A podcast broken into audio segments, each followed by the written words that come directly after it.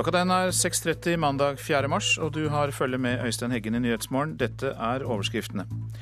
Norsk gass blir mindre viktig for Tyskland. Gassprisene kan bli presset ned. En massiv satsing på fornybar energi og billig kull konkurrerer rett og slett ut gass. En av verdens viktigste økonomier på full fart mot en grønnere framtid. Oslo Høyre vil ha et eget trafikkverk med ansvar for all samferdsel i Norge. Amerikanske forskere har lykkes i å helbrede et barn født med hiv-virus. Hver femte unge her i landet sliter med overvekt. En svømmeklubb har startet et tilbud nettopp til ungdom, der Jakob er en av deltakerne. Vanskelig å komme ut og gå på noen andre aktiviteter i og med at jeg hadde fedmeproblemer. Så jeg var veldig glad når jeg kunne gå her med andre som hadde fedmeproblemer. Klar, ferdig, gå!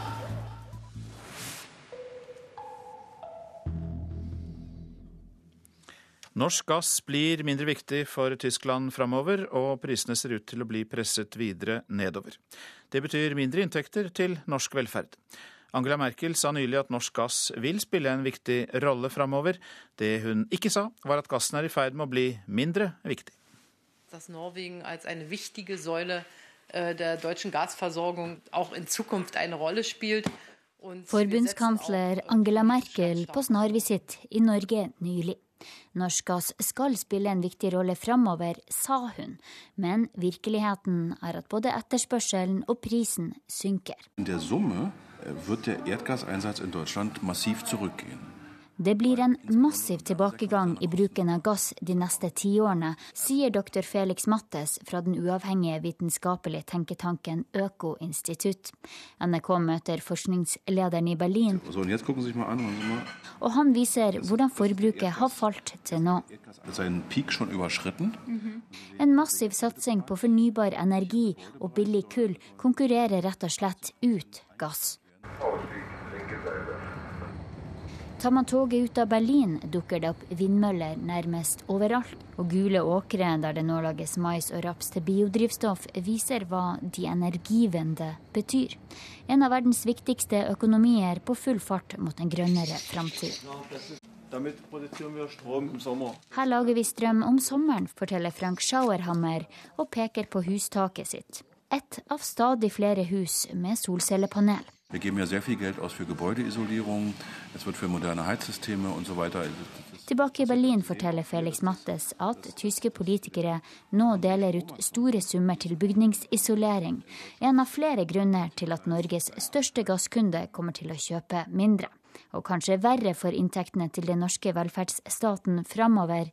Norsk gass vil dessuten havne i kraftig priskonkurranse, påpeker forskningsleder Felix Mattes.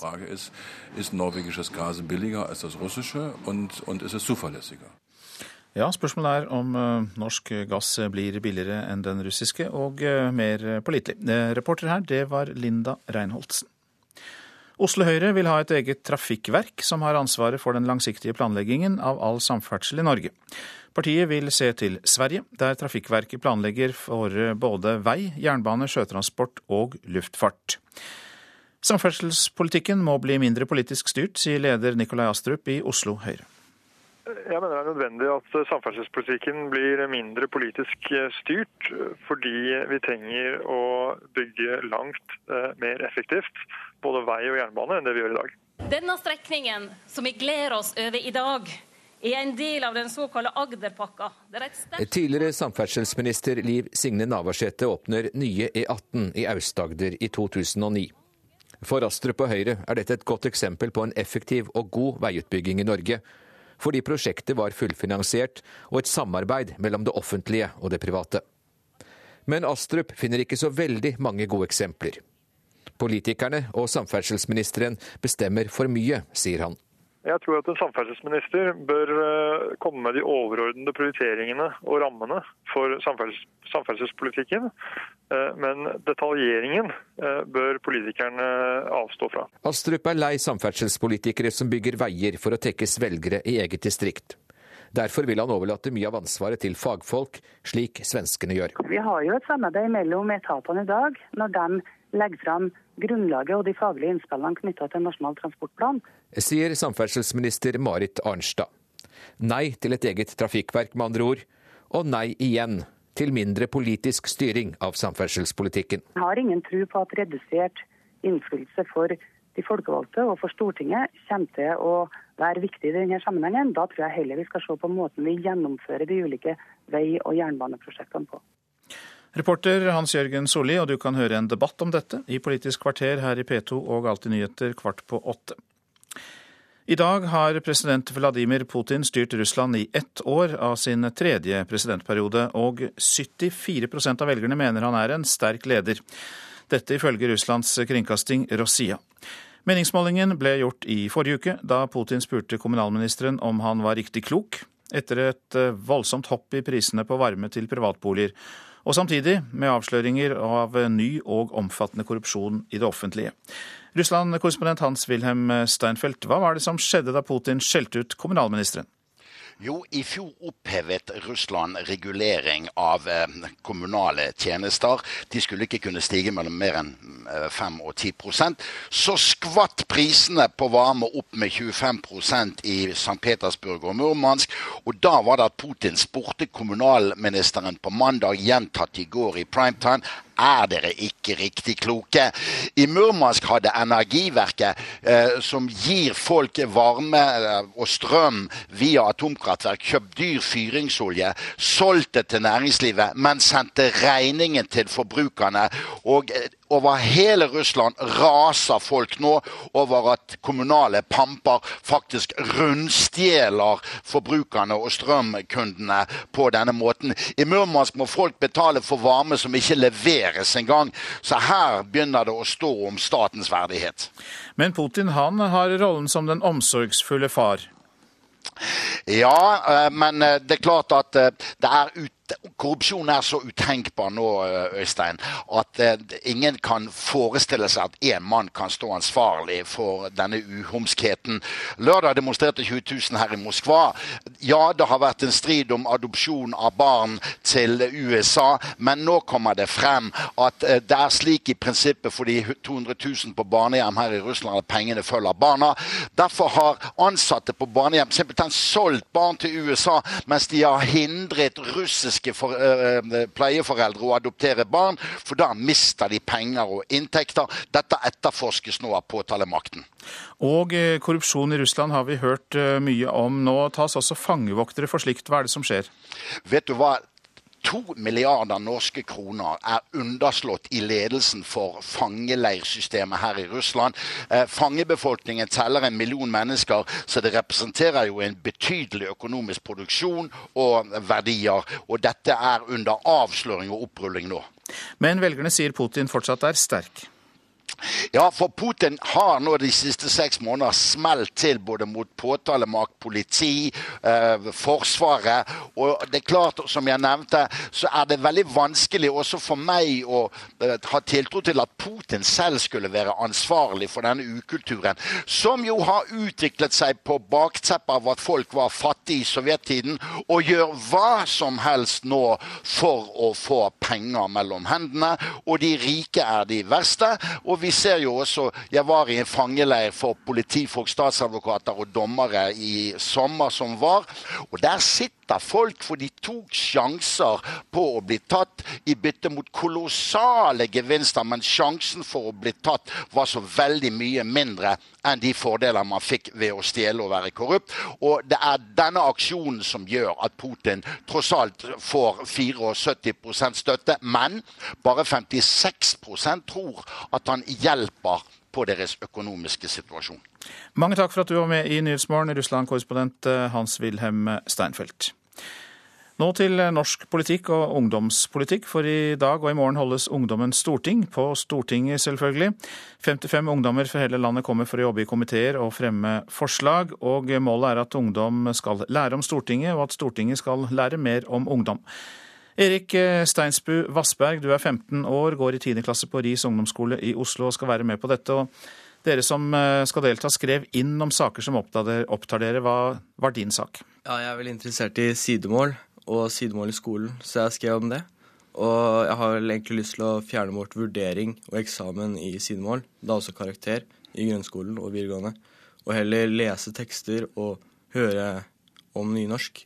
Og dermed få et bedre omdømme om nynorsk, da. Men hva syns du om nynorsk? Ja, nei, altså, Jeg føler selv at jeg er ganske god i det, men eh, det er ikke akkurat det beste faget jeg vet. Og det består av veldig mye å slå opp ord og lære seg verb, og det er kanskje ikke det man liker å drive med. I stortingssalen så skal jo du utfordre kunnskapsminister Kristin Halvorsen. og er det denne saken du skal eh, spørre om? Ja, kanskje det. Eh, vi blir delt inn i forskjellige komiteer, og ut ifra de komiteene så skal vi velge fire saker som komiteen syns var de beste. Og de komiteene skal jo i debatt, så vi får se om min sak kommer videre. Jeg håper jo selvfølgelig det, da. Du har ingen politikere i familien, har jeg fått høre, men hva tror du om dine egne muligheter til å bli politiker? Ja, jeg føler i hvert fall jeg er et godt, godt stykke på vei. Så jeg veldig, har en veldig politisk interessert familie og er veldig politisk interessert selv. Så ja. Og da eh, bidro det til at du meldte deg på dette her. Eh, hva tror du politikerne kan lære av dere som er unge? Jo, de, altså, de voksne går jo ikke på skole. De gjør ikke de samme aktivitetene som unge. Men det gjør jo unge. Og jeg tror nok politikerne kan lære veldig, veldig mye av dette her. Og det er et prosjekt som eh, viser seg å gi veldig gode resultater, ser det ut som. Du har jo eh, forberedt deg, selvfølgelig. Hvordan har du gjort det? Jeg har jo lest gjennom forslaget mitt og øvd litt på hvordan jeg skal presentere det. da. Og så er det litt viktig å ha nervene under kontroll de siste dagene før selve det vi begynner. Og dere som skal på Stortinget har vel allerede møttes litt for å drive forberedelser. Hvordan var det? Ja, jeg møtte dem, eller noen av dem, de som kommer utenfor Oslo i går, på middag. Og det var en veldig hyggelig gjeng. Veldig sånn over gjennomsnittlig interessert i politikk, for å si det sånn, da. En veldig hyggelig gjeng. Da ønsker jeg deg veldig masse lykke til på Stortinget i dag, eh, Erik Steinsbu Vasseng, som altså er sammen med 54 andre på ja, Stortinget. Tusen takk. Takk skal du ha. Amerikanske forskere har lykkes i å helbrede en to og et halvt år gammel jente som var født med hiv-virus. Innsatsen beskrives som et gjennombrudd i hvordan man gjør hiv-syke friske, skriver New York Times. Jenta fra Mississippi har nå vært uten medisin i ett år. Ti måneder etter at behandlingen sluttet, viser tester fra seks ulike laboratorier at viruset var helt borte. Nå håper forskerne at mange flere kan helbredes på samme måte. Noen ord om eh, avisene. Skal hodeskanne Utøya-overlevende, skriver Bergens Tidende. Forskere i Bergen og Oslo vil skanne Utøya-ungdommenes hoder for å se om traumene fra 22.07 har gitt endringer i hjernen. Advarer mot øyeoperasjoner, skriver Dagbladet. Opptil 20% er misfornøyde med laseroperasjon av øynene, og ekspertene advarer mot tørre øyne, brillebruk, dobbeltsyn og lysskyhet. Forsvarsbygg har brukt 10,7 millioner kroner på en port og en brakkerigg, skriver Aftenposten. Alt må trolig rives, og midler er kastet rett ut av vinduet, sier tillitsvalgt. I Tromsø er det over 1000 unge med over 1 million i inkassogjeld, skriver Nordlys. Dermed får de trøbbel på leiemarkedet. De får ikke boliglån og heller ikke noe mobilabonnement. Bankene vil ha barna, skriver VG. Nå tilbys sjuåringer bankkort, og ekspertene slår alarm. Bankene terroriserer hele samfunnet, ja det er oppslaget med industrieier og investor Øystein Stray Spetalen i Dagens Næringsliv. Avisa gjengir et intervju han har gitt til Manifest Analyse, der, vil, der Spetalen unnskyld, vil krympe finanssektoren og kontrollere kapitalismen. De to søstrene Robberstad var lei av jobbene sine og åpnet gjestehus. Det kan vi lese i Bergensavisen, og det er blitt byens mest populære overnattingssted. Psykisk syk kvinne funnet død etter seks uker, skriver Stavanger Aftenblad. Hun ble utskrevet fra sykehus med sterke medisiner og skulle få daglig oppfølging, men ingen kom. Hva er galt med meg som har søkt 800 jobber, sier en ung mann til Fedrelandsvennen. Åpenbart at han er utenlandsk, sier hans tidligere professor ved Universitetet i Agder. Nå har haik skiftet navn til Christian. Roser eh, heroinutdeling kan vi lese i Vårt Land. Det er Frelsesarmeens sosialtjeneste i Nederland som støtter utdeling av heroin, og kaller det en suksess som siste utvei for narkomane. Kanadisk nasjonalistparti støtter Anders Behring Breivik, skriver Klassekampen. Nationalist, Nationalist Party of Canada har eh, skrevet brev til kongen og statsministeren og bedt om bedre soningsforhold for den terrordømte. Tidenes skisuksess, skriver Dagsavisen om de 32 norske VM-medaljene. Årsaken er toppidrettskulturen, frivilligheten, åpenheten og landets rikdom. Ja, det skriver sportsredaktør Reidar Solli i Dagsavisen.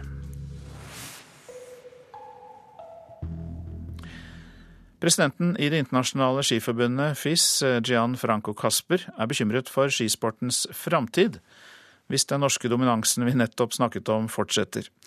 I VM var jo Norge den overlegent beste nasjon, langt foran nummer to på listen, og spesielt i langrenn på kvinnesiden var det mye norsk.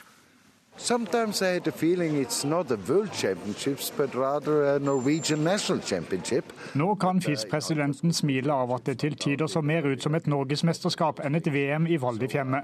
Men i fremtiden kan det bli et problem. Åtte ganger ble Ja, vi elsker spilt i VM for norske gullmedaljer. I tillegg ble det fem sølv og seks bronse totalt i langrenn, hopp og kombinert. Nest beste nasjon ble Frankrike med tre gull og én bronse. Sju av de åtte norske gullene ble tatt på langrennsstadion. Yes, no. Ja, det vil skade sporten, det tror jeg helt ærlig, hvis Norge fortsetter dominansen og de andre nasjonene ikke blir mer konkurransedyktige, sier Gianfranco Casper, og viser til at interessen internasjonalt i så fall vil minke i årene som kommer. But it could hurt the sport or the worldwide interest if just one nation is dominating. Tilskuere fra flere nasjoner har i løpet av VM uttrykt at det er kjedelig å se på når Norge dominerer. Om det blir kjedelig er jeg kanskje litt usikker på. fordi det er klart For oss handler det om at de løperne som trener for dette, her, de, vi må ha respekt for at de definitivt prøver å gjøre sitt beste. Sier Norges skipresident Erik Røste, som gjerne vil samarbeide med andre nasjoner for å bidra til å heve kompetansen. Jeg tenker at vi har Som en stor skinasjon så har vi også et ansvar i forhold til det. Vi må sette oss ned etter, etter sesongen er ferdig og se hvordan kan vi bidra i det internasjonale fellesskapet. Marit Bjørgen tok fire gull i VM. I tillegg forsynte andre norske kvinner seg av medaljefatet. På herresiden var det jevnere fordelt. Heldigvis, vil mange si, ble det svensk seier på femmila i går, og ingen nordmenn på seierspallen. Det er bra, mener Petter Northug, som selv tok to gull i Fiemme. Jeg føler vel aldri at det har vært så jevnt i, tett, i toppen i, i internasjonalt uh, herrelangrenn. Det er mange som kan vinne, og det er små marginer. og Det, ikke, det går ikke an å bestille gull lenger. Og jeg mener at det er helt, for interessen så er det, er det bra. Reporter her, det var Geir Elle. Du lytter til Nyhetsmorgen. Klokka den går mot 6.48. Vi har disse hovedsakene. Norsk gass blir mindre viktig for Tyskland. Gassprisene kan bli presset ned. Oslo Høyre vil ha et eget trafikkverk med ansvar for all samferdsel i Norge. Amerikanske forskere har lykkes i å helbrede et barn født med hiv-virus.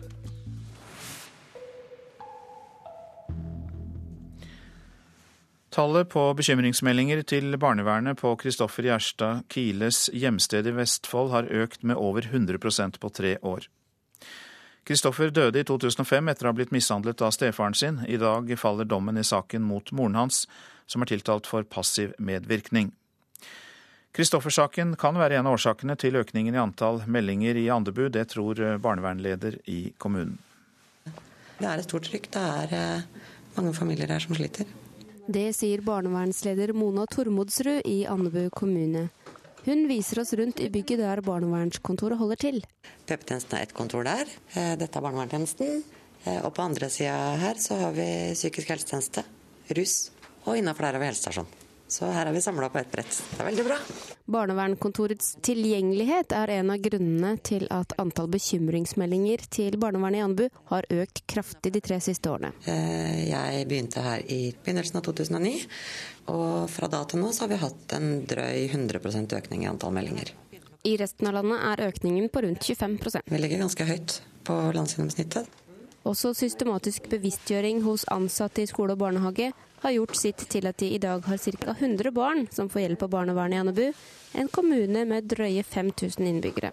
Og Da er vi glad for å ha et familiesenter med lav terskel, sånn at mange kan få hjelp. Andebu kommune er også Kristoffer Gjerstad Kile sin hjemkommune. Og det virker nok også inn, tror Mona Tormodsrud. Jeg tror Kristoffer-saken har bidratt til bevisstgjøring, en større bevisstgjøring. Det tror jeg.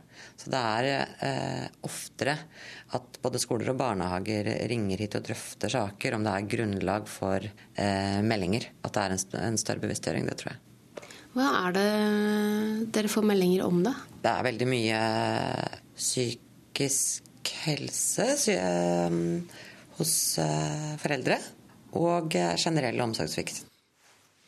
Reporter her, det var Helena Rønning. Tenk deg at du ikke vil dusje sammen med andre ungdommer, at kroppen din er for stor, at du hiver etter pusten og ikke klarer aktivitetene til klassekameratene dine. Overvekt er utfordrende og ekstra tøft i barne- og ungdomsårene. Nå har Madla svømmeklubb i Stavanger startet svømmekurs for overvektige barn og unge, og vi ble med på trening. Ok, Veldig bra. Nå skal vi svømme ti minutter der hvor sier jeg fra når dere skal være ferdig. Ok? Øh, vanskelig å komme ut og gå på noen andre aktiviteter i og med at jeg hadde fedmeproblemer. Så jeg var veldig glad når jeg kunne gå her med andre som hadde fedmeproblemer. Klar, ferdig, gå! En gjeng ungdommer er samla til trening. Svømmetrening for overvektige barn og unge. Det er vel pga. fedmeproblemer og Det er vel nesten litt flaut å være med andre som ikke har det. Har du trent noe før? Uh, ja, jeg tror det er to år jeg har gått på svømming før. Men så slutta du og begynte heller her. Hvorfor da? Uh, jeg slutta egentlig der for uh, to år siden, siden da sleit jeg med å følge etter de andre.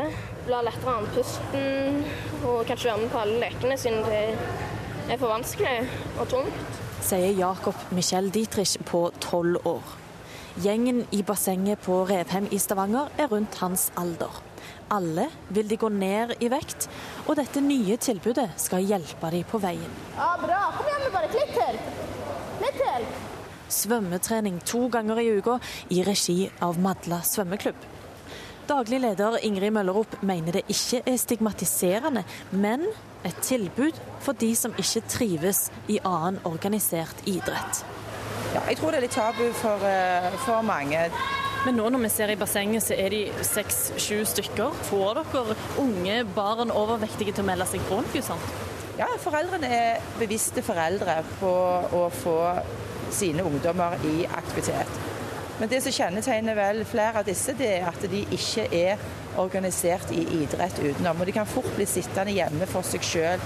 Møllerop vet ikke om andre i Rogaland eller i landet som har et lignende tilbud.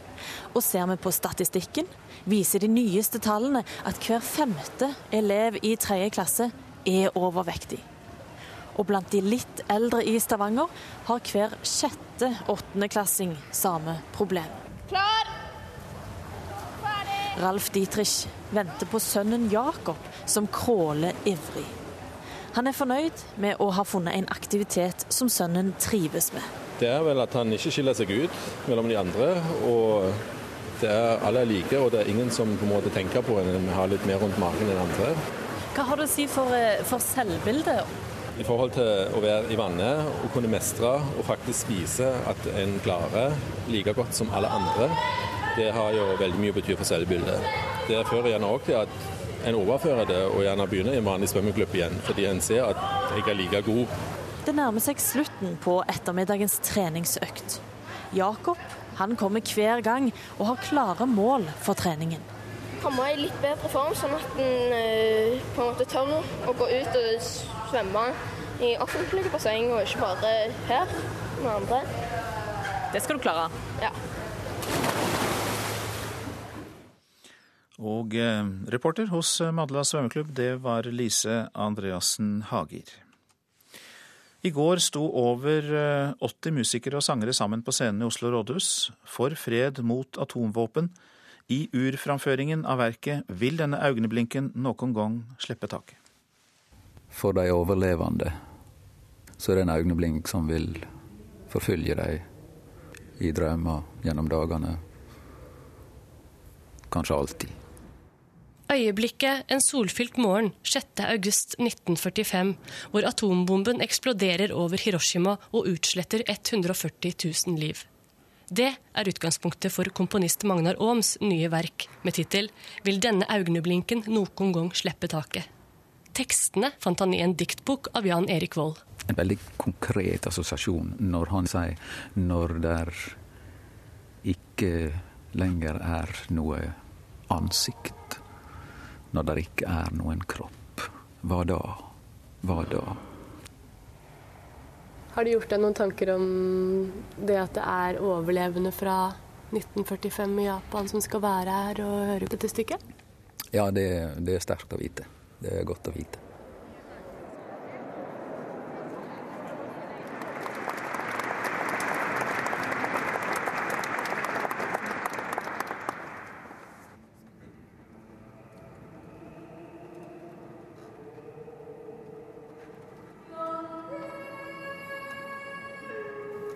Harpe, teremin, sangere, dansere, akkordion, mongolsk cello og to kor er i samspill med klokkene i Oslo rådhus. Og i salen sitter folk fra alle verdens hjørner. En del av dem er her i forbindelse med UDs konferanse om atomvåpen som starter i dag. Magnar Aam har latt seg inspirere av hvordan japanerne har brukt sin tragedie til noe konstruktivt. En kunne ha valgt en annen framtid da. Og igjen sier det at vi kan alltid velge en annen framtid. Og det er jo det viktige budskapen her. Vi kan, vi kan velge Vi kan velge en god framtid.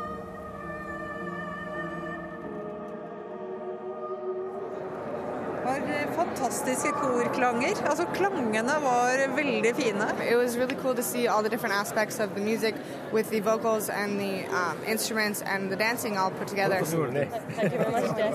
Toshiki Fujimori-san overlevde bomben i Hiroshima.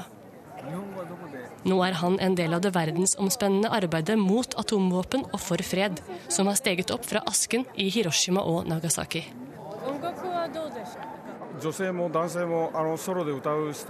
Han sier sangerne var fantastisk flinke. Og selv om han bare skjønte teksten til den japanske sangerinnen, ga klangene og måten det ble sunget på, sterke assosiasjoner til øyeblikket som aldri slipper taket i ham. Reporter i Oslo rådhus, Ina Strøm.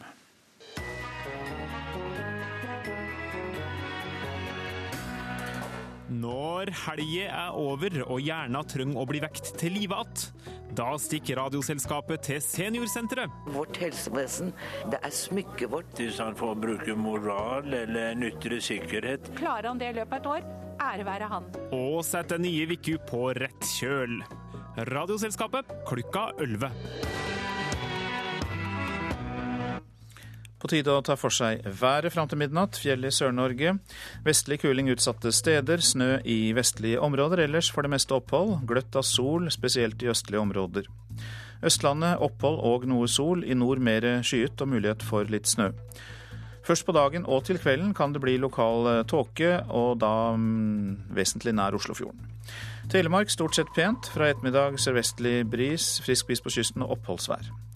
Agder mulighet for litt regn i vest, ellers oppholdsvær. Snø over 600 meter. Rogaland litt regn av og til, snø i høyden. Hordaland og Sogn og Fjordane litt kuling i nord. Ved Stad sørvest sterk kuling. Litt regn, snø i høyden, og det er utrygt for lokal tåke. Møre og Romsdal og Trøndelag. I sør sørvest periodevis sterk kuling. Regn, snø i høyden. Lite nedbør i de indre strøk i Sør-Trøndelag. Helgeland, Saltfjellet, Salten og eh, Ofoten. Litt snø i sør, ellers mye pent vær. I kveld sørvestlig liten kuling og sludd i sør. Ellers østlig liten kuling og eh, tilskyende vær. Lofoten og Vesterålen, der blir det snøbyger i dag. Fra seint i ettermiddag nordøstlig oppe i liten kuling og etter hvert oppholdsvær. Troms nordvestlig periodevis liten kuling, etter hvert eh, nordlig sterk kuling i nord. I kveld dreiende nordøstlig og minkende. Vest-Finnmark med vidda. Sørvestlig liten kuling på kysten. Fra ettermiddag nordlig sterk kuling. Kan hende liten storm. I kveld eh, bris. I indre strøk opphold og noe sol. Ellers snøbyger. Øst-Finnmark sørvestlig stiv kuling, mye pent vær. I kveld nordvestlig stiv kuling. Kan hende liten storm i nord og snøbyger. Nordensjøland på Spitsbergen stort sett oppholdsvær. Fra i ettermiddag liten kuling. Og så noen temperaturer målt klokka fire. Svalbard er nede i minus 23, Kirkenes minus 21. Varde minus 11, Alta minus 12, Tromsø-Langnes minus 8, Bodø minus 6. Brønnøysund minus 1, og så plussgrader. Trondheim-Værnes pluss 2, Molde pluss 4, Bergen-Flesland pluss 2, Stavanger pluss 3, Kristiansand-Kjevik pluss 1. Gardermoen er nede i minus to, Lillehammer minus fire, Røros minus to og Oslo-Blindern hadde én minusgrad da klokka var fire i natt.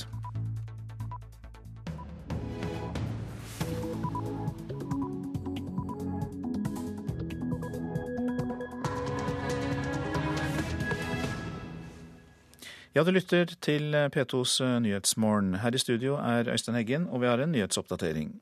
De siste årene har tusenvis av svensker kommet til Norge for å arbeide. Arbeidsinnvandringen er ikke bærekraftig, det sier avdelingsdirektør i NHO, Dag Årnes. Jeg tror ikke vi, vårt arbeidsmarked håndterer det på noen god måte hvis det varer i flere år framover.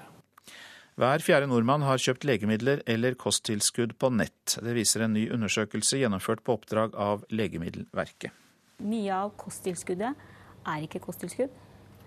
Det utgir seg for å være kosttilskudd, men det inneholder ofte legemiddelsubstanser.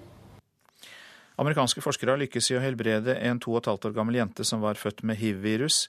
Innsatsen beskrives som et gjennombrudd i hvordan man gjør hiv-syke friske, skriver New York Times. I dag er det valg i Kenya, både nasjonale og lokale, samt valg av 47 guvernører og ny president.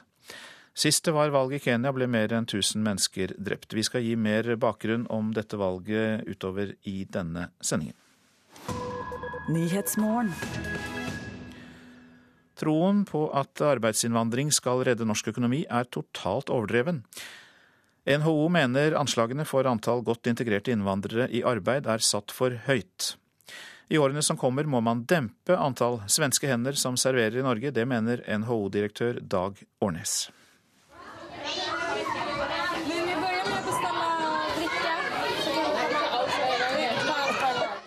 Arbeidsinnvandrere i full jobb, en ressurs vi trenger. Så det kommer kjøkkenbrann, så kommer pizzaen allerede straks. Svenske servitører skjenker oss likevel et problem på sikt. Arbeidsinnvandringen er for høy, mener avdelingsdirektør i NHO, Dag Årnes.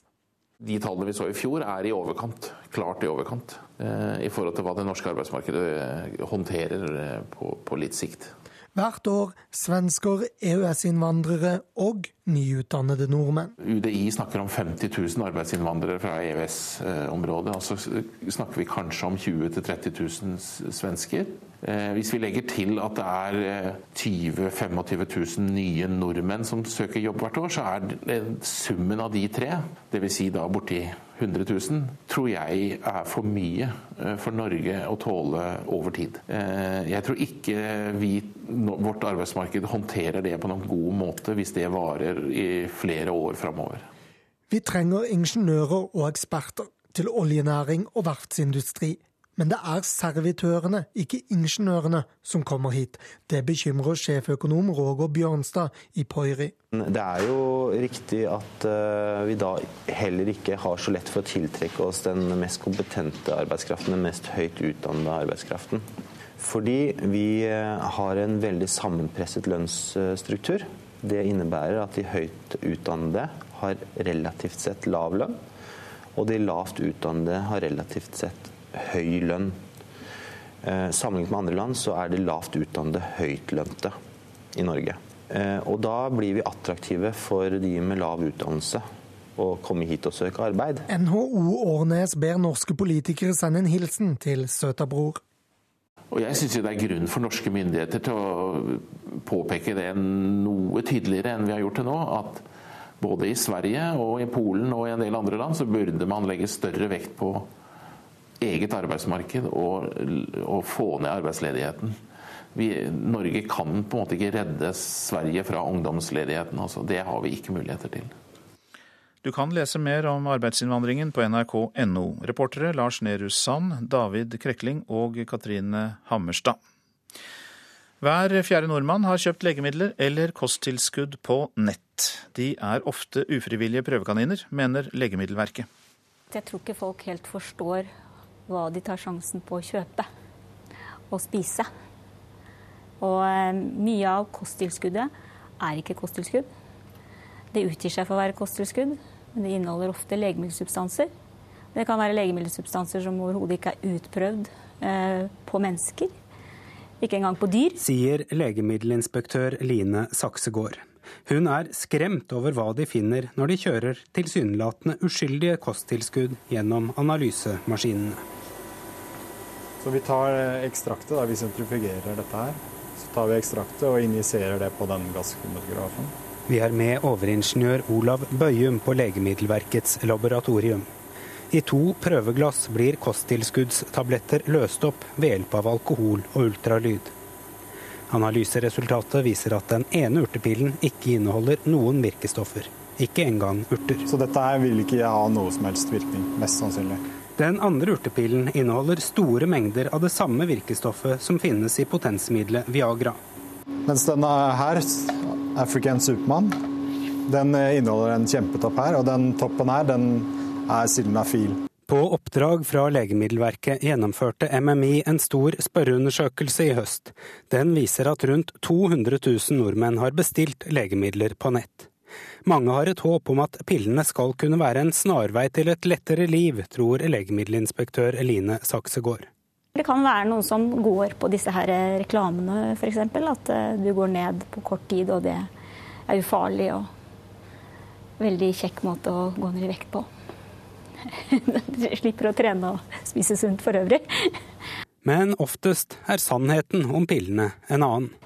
Du risikerer ved å kjøpe medisiner på internett at det ikke inneholder legemiddel i det hele tatt. Sier Saksegård. Langt flere, over én million av oss, har bestilt kosttilskudd.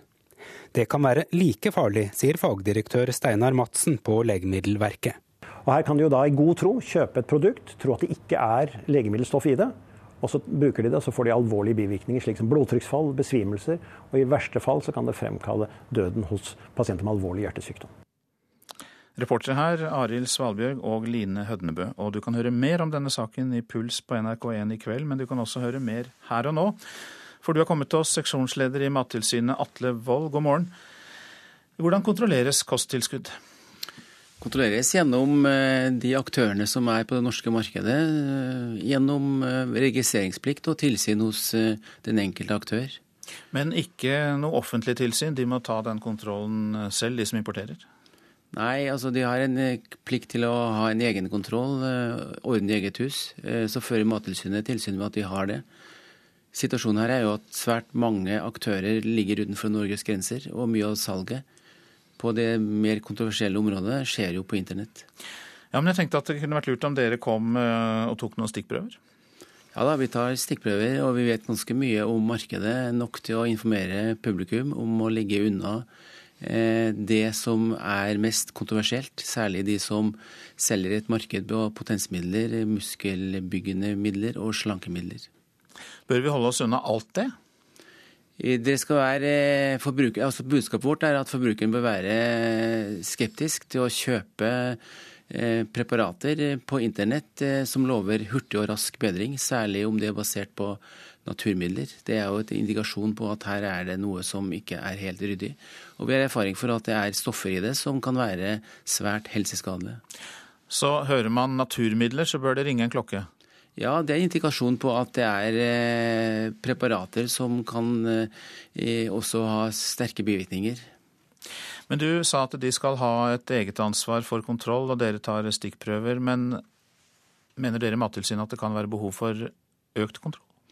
Ja, jeg tror at det viktigste for oss er å gi forbruker et mulighet til et informert valg. Altså å være skeptiske til kjøp fra leverandører som ikke tilkjennegir et ansikt, altså hvem de er, eh, har en adresse, kontaktadresse f.eks. Det andre er at vi kan, eh, som vi har gjort de siste årene, hatt et eh, godt samarbeid med Toll og Legemiddelverket i forhold til å avdekke de verste tilfellene på markedet. Hvordan klarer tollvesenet det? Det raser vel forbi tusenvis av pakker som kommer inn til landet hver eneste dag? Jo, men det er inntrykk av at de er veldig flinke eh, å ta ut de eh, type prøver eh, og produkter som er relevante. Mye av dette er privat, privat import. Men også det kan inneholde stoffer som, som, kan skade både folk og markedet. Så jeg tror at det er viktig med samarbeid mellom de tre aktørene. Og at publikum kanskje er enda mer på vakt enn det har vært til i dag. Absolutt. Det er et viktig kriterium å stille både én og to spørsmål før man går inn og kjøper denne type helse på nettet. Takk for at du kom, Atle Wold, som altså er seksjonsleder i eh, Mattilsynet. Forskere i Bergen og Oslo skal undersøke om ungdommene som overlevde Utøya-terroren 22.07.2011 kan ha fått endringer i hjernen pga. traumer, skriver Bergens Tidende. Flere store forskningsprosjekter skal settes i gang for å finne ut hvordan opplevelsene 22.07 har påvirket ungdommene som overlevde. I forskningsprosjekter ved Haukeland universitetssykehus og Rikshospitalet skal overlevende mellom 16 og 25 år bl.a. bli MR-undersøkt. En mann i 30-årene er savnet etter at et hus brant ned i Kvinnherad i Hordaland i natt. Nødetatene ble varslet om brannen ved firetiden, og huset sto i full fyr da brannvesenet kom til stedet. Brannen ble slukket rundt halv seks, og huset var da nedbrent. I dag samles representanter for 120 land til en konferanse om farene for bruk av atomvåpen. Eh, men land som USA, Storbritannia, Frankrike, Russland, Iran og Nord-Korea er ikke med. Du er vært der, utenriksminister Espen Barth eh, Eide. Og eh, hvordan er din vurdering av faren for atomvåpen? Ja, Det dramatiske er at eh, etter at den kalde krigen tok slutt, så kan man si at den store frykten for et kjernefysisk ragnarok gikk ned. Men der var det mange som begynte å se en annen vei. Men atomvåpnene ble ikke borte. Faktisk er det slik at vi vurderer at sannsynligheten for at ett eller to eller noen få atomvåpen blir brukt, faktisk er mye høyere nå enn det var under den kalde krigen. Flere stater har atomvåpen, og det er en reell risiko for at uh, ikke-statlige aktører som f.eks. en terrororganisasjon også får tak i atomvåpen. Og Da viser det seg at det internasjonale samfunnet ikke har tenkt spesielt mye på hva man faktisk skulle gjøre om et atomvåpen ble detonert. Eh, og Vi har lyst til å kaste lys eh, over det, sette fokus på de humanitære konsekvensene av eventuell eh, atomvåpenbruk. og Vi mener det er viktigere enn noensinne. Og Nå er vi faktisk oppe i 132 land, så dette har altså ballet på seg i løpet av siste uka. Men det man gjerne kaller gode allierte som USA, Storbritannia og Frankrike er ikke med. Hvorfor ikke? Det er slik at De fem opprinnelige atommaktene har valgt å ikke delta. Det gjelder dem, og det gjelder Kina og uh, Russland, som kommuniserte at uh, dette ønsket de ikke å være med på. Og Man får egentlig spørre dem hvorfor det. fordi at uh, Jeg har jo oppfattet det slik at også de er bekymret for bruk av atomvåpen. men de er nok redd for at vi på denne måten tar dette ut av de tradisjonelle foraene for dette. Men det som er en stor glede da, er at absolutt alle andre Nato-allierte, 25 Nato-land, altså alle unntatt de tre du nevnte, har stilt opp for å være med på konferansen. Og vi har deltakere fra nord og sør og øst og vest, hele verden til stede. Og jeg tror dette kommer til å bety ganske mye i forhold til å løfte fokus på atomvåpen fra en litt annen vinkel enn den vi er vant til. Liv Tørres, eh, du er generalsekretær i Norsk Folkehjelp. Du sitter ved siden av vår utenriksminister her nå. Mm. og Hvilken rolle kan dere spille i dette arbeidet? Sivilsamfunnet er ekstremt viktig for å sette lys på problemet i utgangspunktet. Nå har jeg lyst til å si først at jeg er fryktelig glad for og stolt av at vi har en regjering som går i spissen her og setter fokus på de humanitære konsekvensene. Tar opp problematikken på nytt. For, for det er jo riktig som utenriksministeren sier, at denne problematikken har på en måte ligget død en stund. Vi har ikke hatt nok oppmerksomhet på det, og i den grad temaet har vært på dagsordenen, så har fortsatt, eh, det fortsatt vært preget av liksom gammel kald krigsargumentasjon om, om, sikkerhetspolitikk, avskrekking, behov for eh, å opprettholde avskrekkingsbildet osv. Vi må nå ha fokus på de, de humanitære konsekvensene, og det er vi veldig glad for at, eh, at Utenriksdepartementet og statsråden eh, gjør. Så, så, så, det er viktig. Det sivile samfunn er en ekstrem viktig brikke i å mobilisere i retning et forbud på sikt. Det jeg tenker på er at uh, vi som har levd litt lenger enn andre, husker kanskje at det var mer frykt knyttet til atomvåpen på 60- til dels 70-tallet. Da, da, hadde man det som en bevissthet i seg. Nå føler jeg også personlig at det liksom er borte. Det er, det er ikke noe farlig lenger. Men det bør altså tilbake igjen den følelsen at dette er noe vi må gjøre, men dette er noe som kan være farlig? Ja, jeg mener veldig sterkt at det bør det. fordi at eh, for, for, alle oss som sitter her, husker jo tiden hvor vi brukte mye tid på diskusjonen om atomvåpen, frykten for atomvåpen. Det var jo da under den kalde krigens tid. Eh, og da var det vel slik at eh, enten klarte man å hindre at atomvåpen ble brukt, da ble null atomvåpen brukt, eller så ble det det totale utslettelsen. Og da var det jo, for å si det litt brutalt, liten, lite behov for å snakke om de humanitære konsekvensene, for det betød jo at menneskeheten ble borte. Det som er problemet nå, er at det er altså mindre sannsynlig at vi får den totale utslettelsen. Men det er samtidig mer sannsynlig at noen kan finne på å bruke atomvåpen. Og da må man håndtere konsekvensene. Da må man diskutere beredskap. Da må man diskutere om vi i det hele tatt er forberedt på det. Og det vi jo ser fra både FN-organisasjoner og Internasjonale Røde Kors-komiteen og, og, andre som driver med humanitær beredskap, det er at dette, er nest, dette har vært for stort til å tenke på. Det er nesten sånn at man har satt det litt bort. Nå ønsker vi altså å få fokus på det, for det internasjonale samfunnet må forholde seg til det. Og så håper vi, som Liv Tørres også sier, at dette i tillegg eh, kan ha den konsekvensen at det kan inspirere de andre prosessene som har å gjøre med ikke-spredning og atomnedrustning. Men dagens konferanse er altså om de humanitære konsekvenser. Ja, jeg, har, jeg, vil understreke det utenriksministeren sier, at konsekvensene her vil være enorme. Så her må vi jobbe beinhardt uh, alle sammen. På, på, kort sikt nå så er det fokus på de humanitære konsekvensene og en utrolig viktig konferanse. Og så får vi ta én ting av gangen. Vi jobber i en internasjonal allianse med sivilsamfunnsorganisasjoner fra hele verden, og har tenkt å holde trøkket oppe framover også. Det som er litt viktig å huske på er at Hvis, en, hvis la oss si ett atomvåpen skulle brukt mot én by, så vil det jo ta livet av masse mennesker, skape langsiktige konsekvenser for eh, alle som lever der. Det vil jo også utslette sykehus, leger, beredskapsorganisasjoner, ambulanser mm. osv. Og, og, og, og de som er utenfor og ikke direkte berørt, vil kanskje tenke seg om flere ganger før de går inn i denne mm. sonen. Mm. Her er det altså ting som folk tenkte en del på under den kalde krigen, men som ingen har tenkt på nå på mange år, og det er ganske dramatisk. Fordi når vi samtidig kan se at eh, vi så jo nettopp en nordkoreansk atomprøvesprengning, vi vet at terrornettverk er på jakt etter atomvåpen, så kan vi altså ikke legge til grunn at dette eh, aldri kommer til å skje, rett og slett fordi det er så dramatisk og forferdelig å tenke på. Takk skal dere ha begge to. Det gjelder altså den konferansen om atomvåpen som holdes i Oslo i dag med 120 land. Liv Tørres fra Norsk Folkehjelp og Espen Barth Eide, utenriksminister. Dette er Nyhetsmorgen, og klokka den er ganske straks 7.17, og vi har disse hovedsakene. NHO advarer mot eh, arbeidsinnvandringen til Norge, mener vi ikke kan fortsette å importere lavt utdannet arbeidskraft i samme tempo som nå. I USA har et barn født med hiv blitt kurert for viruset. Det sier amerikanske forskere. En av fire nordmenn har kjøpt kosttilskudd eller legemidler over nett. Pillene kan inneholde svært skadelige stoffer, advarer Mattilsynet. Tyskland legger ned veto mot at EU-landene Bulgaria og Romania skal bli med i Schengen-samarbeidet. I dag er det valg i Kenya. Det er både nasjonale og lokale valg, og det skal velges 47 guvernører og ny president. Men eh, enda mer enn spenningen rundt hvem som får velgernes tillit, så er det gjennomføringen av valget som opptar folk flest. Sist var valg i Kenya, ble mer enn 1000 mennesker drept, og det er én ting alle er enige om, så er det at valget denne gangen må gå fredelig for seg. Det er i år 50 år siden Kenya ble selvstendig. Den gang het de to viktigste politiske lederne Kenyatta og Odinga. De to fremste av de åtte presidentkandidatene i dag heter også Kenyatta og Odinga. De er sønner av de to kjempene fra frigjøringstiden, tilhørende henholdsvis Kikuyu og Luo-stammene. Så var det da også mistenksomhet stammegrupper imellom samt påstander om valgfusk, som forårsaket voldsbølgen i 2007-2008. Men frykten om vold i forbindelse med valget denne gang kan ikke ses helt uavhengig av situasjonen generelt.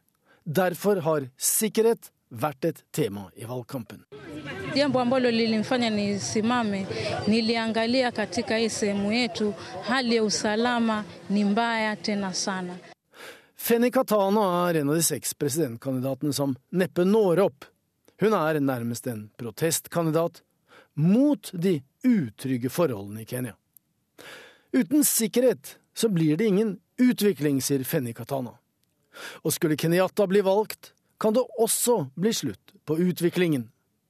Det er ventet at han og Odinga vil gå videre til andre valgomgang. Men før den tid må Kenyatta møte i Den internasjonale straffedomstolen i Haag, anklaget for å ha stått bak volden etter forrige valg. Hvis Kenyatta til slutt blir president, så kan det føre til at Kenya blir isolert politisk, i alle fall skjøvet ut i kulden av USA og EU, noe som vil ramme landets økonomi hardt.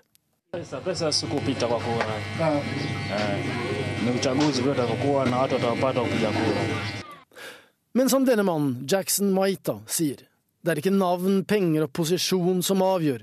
Det er faktisk velgerne som bestemmer. Og siden det ikke er lov med meningsmålinger de siste ukene før valget, så vet man i dag ikke helt i hvilken retning valgvinden har blåst. På den annen side, i dag er det som sagt gjennomføringen som gjelder.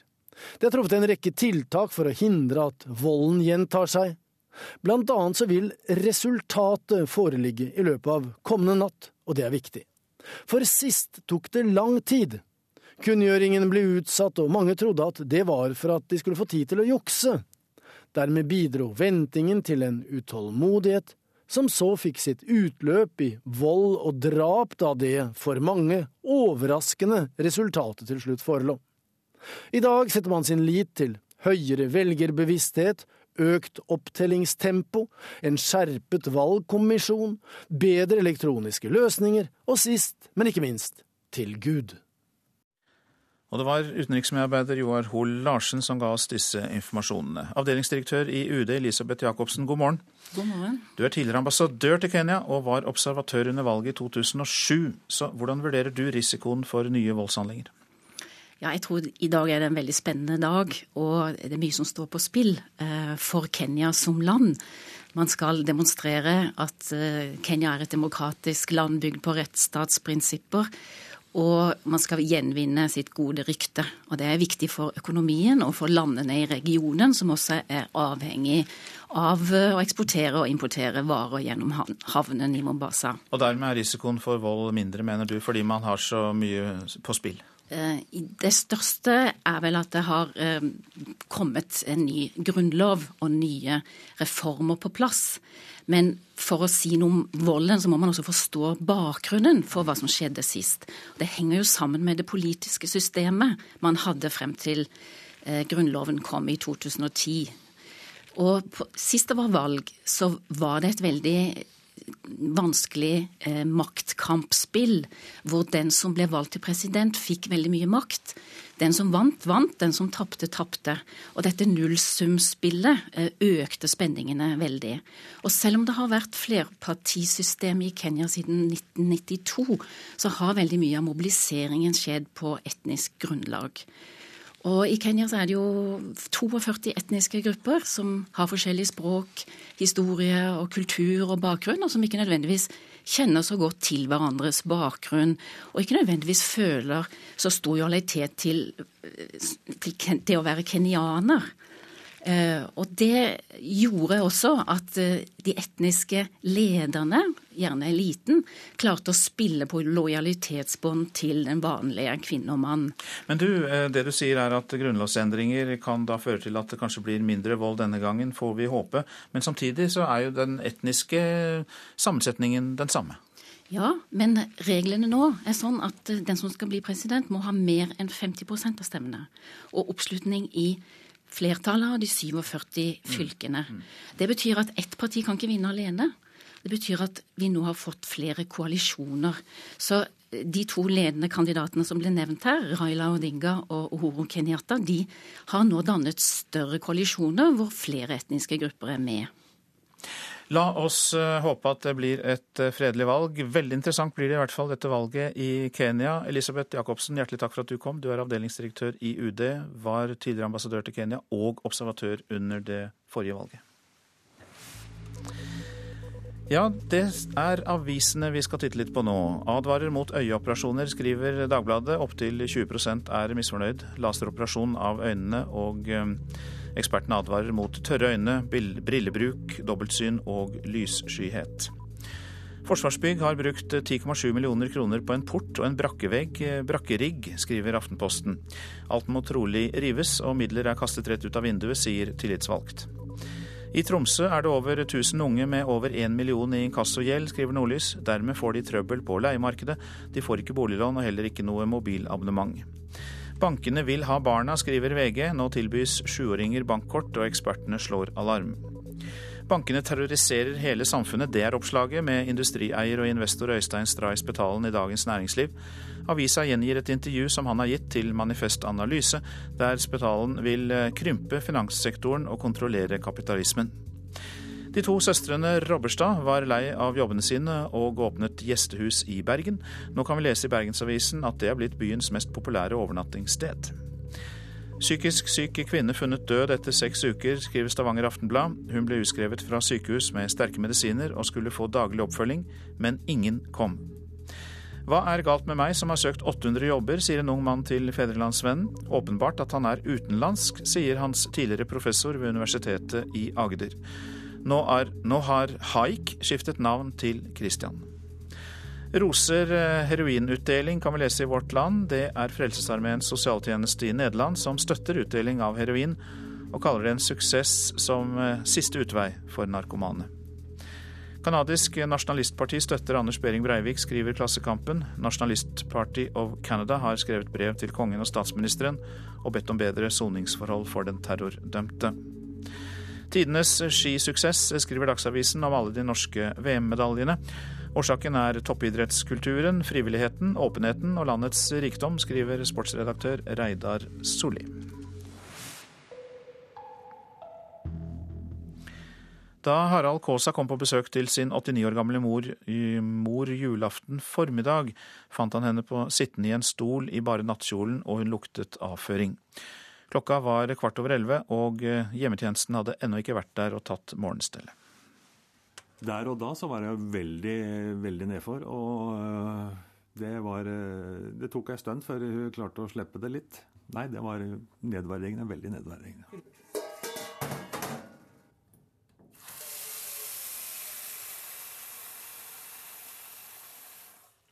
89 år gamle Mari Kaasa trengte hjelp til det meste. Til å få i seg medisiner, til spising, til toalettbesøk, påkledning, personlig hygiene og til å stå opp av senga. Da sønnen og flere andre familiemedlemmer kom på besøk til henne på julaften, hadde hun klart å komme seg ut av senga og opp i en stol uten hjelp. Men hun satt i bare nattkjolen og luktet avføring da gjestene kom. Ti minutters tid etter at vi kom hit, så kom hjemmesykepleien og hjalp til. Men i mellomtida så hadde jo svigersønnen min og hans datter vært her for å vise seg fram til oldemor. Det blei jo en begredelig opplevelse da, da, eh, oldemor ikke følte seg bekvem i det hele tatt med det der. Hvordan ble stemningen her i leiligheten da på julaften? Ja, Akkurat der og da så var han jo særdeles dårlig, får jeg si. Men etter hvert så prøver han jo å legge ting bak seg for å ikke ødelegge alt og alt øh, utover. Så vi, det blei jo trivelig litt etter hvert. Men det tok sin tid, ja. Det var ikke sånn det var planlagt. Absolutt ikke. Kort tid etter den forsmedelige opplevelsen på julaften fikk Mari Kaasa sykehjemsplass. Tre uker etter at hun flyttet på sykehjemmet, døde hun. Men sønnen er ikke ferdig med kommunen. Han vil følge opp saken for slik å bidra til at andre eldre ikke må oppleve det samme som moren hans.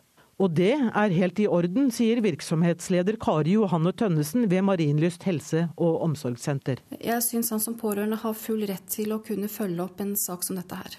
Og det at han vil fortsette å jobbe for at andre eldre ikke skal oppleve det samme som moren hans gjør, hva tenker du om det? Det er han hjertelig velkommen til å gjøre. Hun har full forståelse for at det som skjedde julaften var noe familien Kaasa reagerte sterkt på.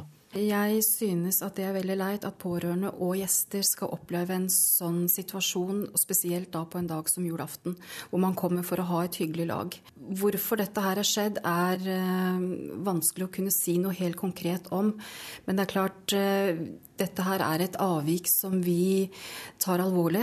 Eh, vi behandler det i våre, i våre, rutiner fordi at vi må se på hva som skjedde. Eh, hva kan vi gjøre for å forbedre oss, for å kvalitetssikre at det, sånne ting ikke skal skje igjen. Det sa Kari Johanne Tønnesen, som er konstituert virksomhetsleder ved Marienlyst helse- og omsorgssenter i eh, Drammen. Etter Dagsnytt skal vi til Jerusalem, der mange israelere vil bygge et nytt tempel. Problemet er at de ønsker å bygge det på et av muslimenes helligste steder. Arbeidsinnvandring og samferdsel det er temaene i Politisk kvarter. Prosent for Nyhetsmorgen Vidar Eidhammer, her i studio Øystein Heggen. Og eh, gjenhør, podkast av Nyhetsmorgen, kan du hente fram på nettstedet radio.nrk.no. Test ut det nye nettstedet.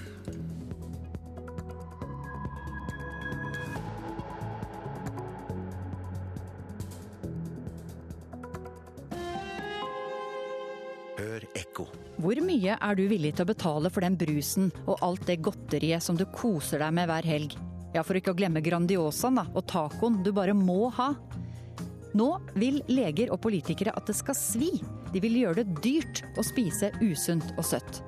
Ekko 9 11 i NRK P2.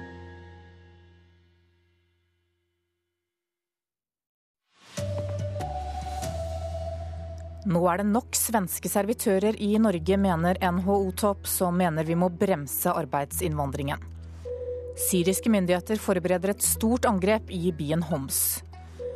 Advarsler til tross, hver fjerde av oss har kjøpt legemidler eller kosttilskudd på internett.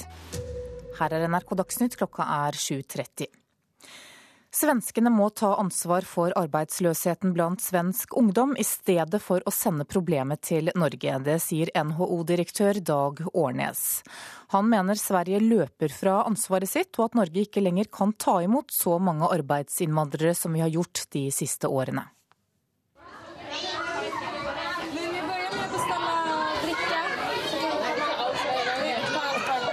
Arbeidsinnvandrere i full jobb, en ressurs vi trenger. Det kjøkkenbrann, så kommer pizzan alldeles strax. Svenske servitører skjenker oss likevel et problem på sikt. Arbeidsinnvandringen er for høy, mener avdelingsdirektør i NHO, Dag Årnes. De tallene vi så i fjor er i overkant, klart i overkant, eh, i forhold til hva det norske arbeidsmarkedet eh, håndterer eh, på, på litt sikt.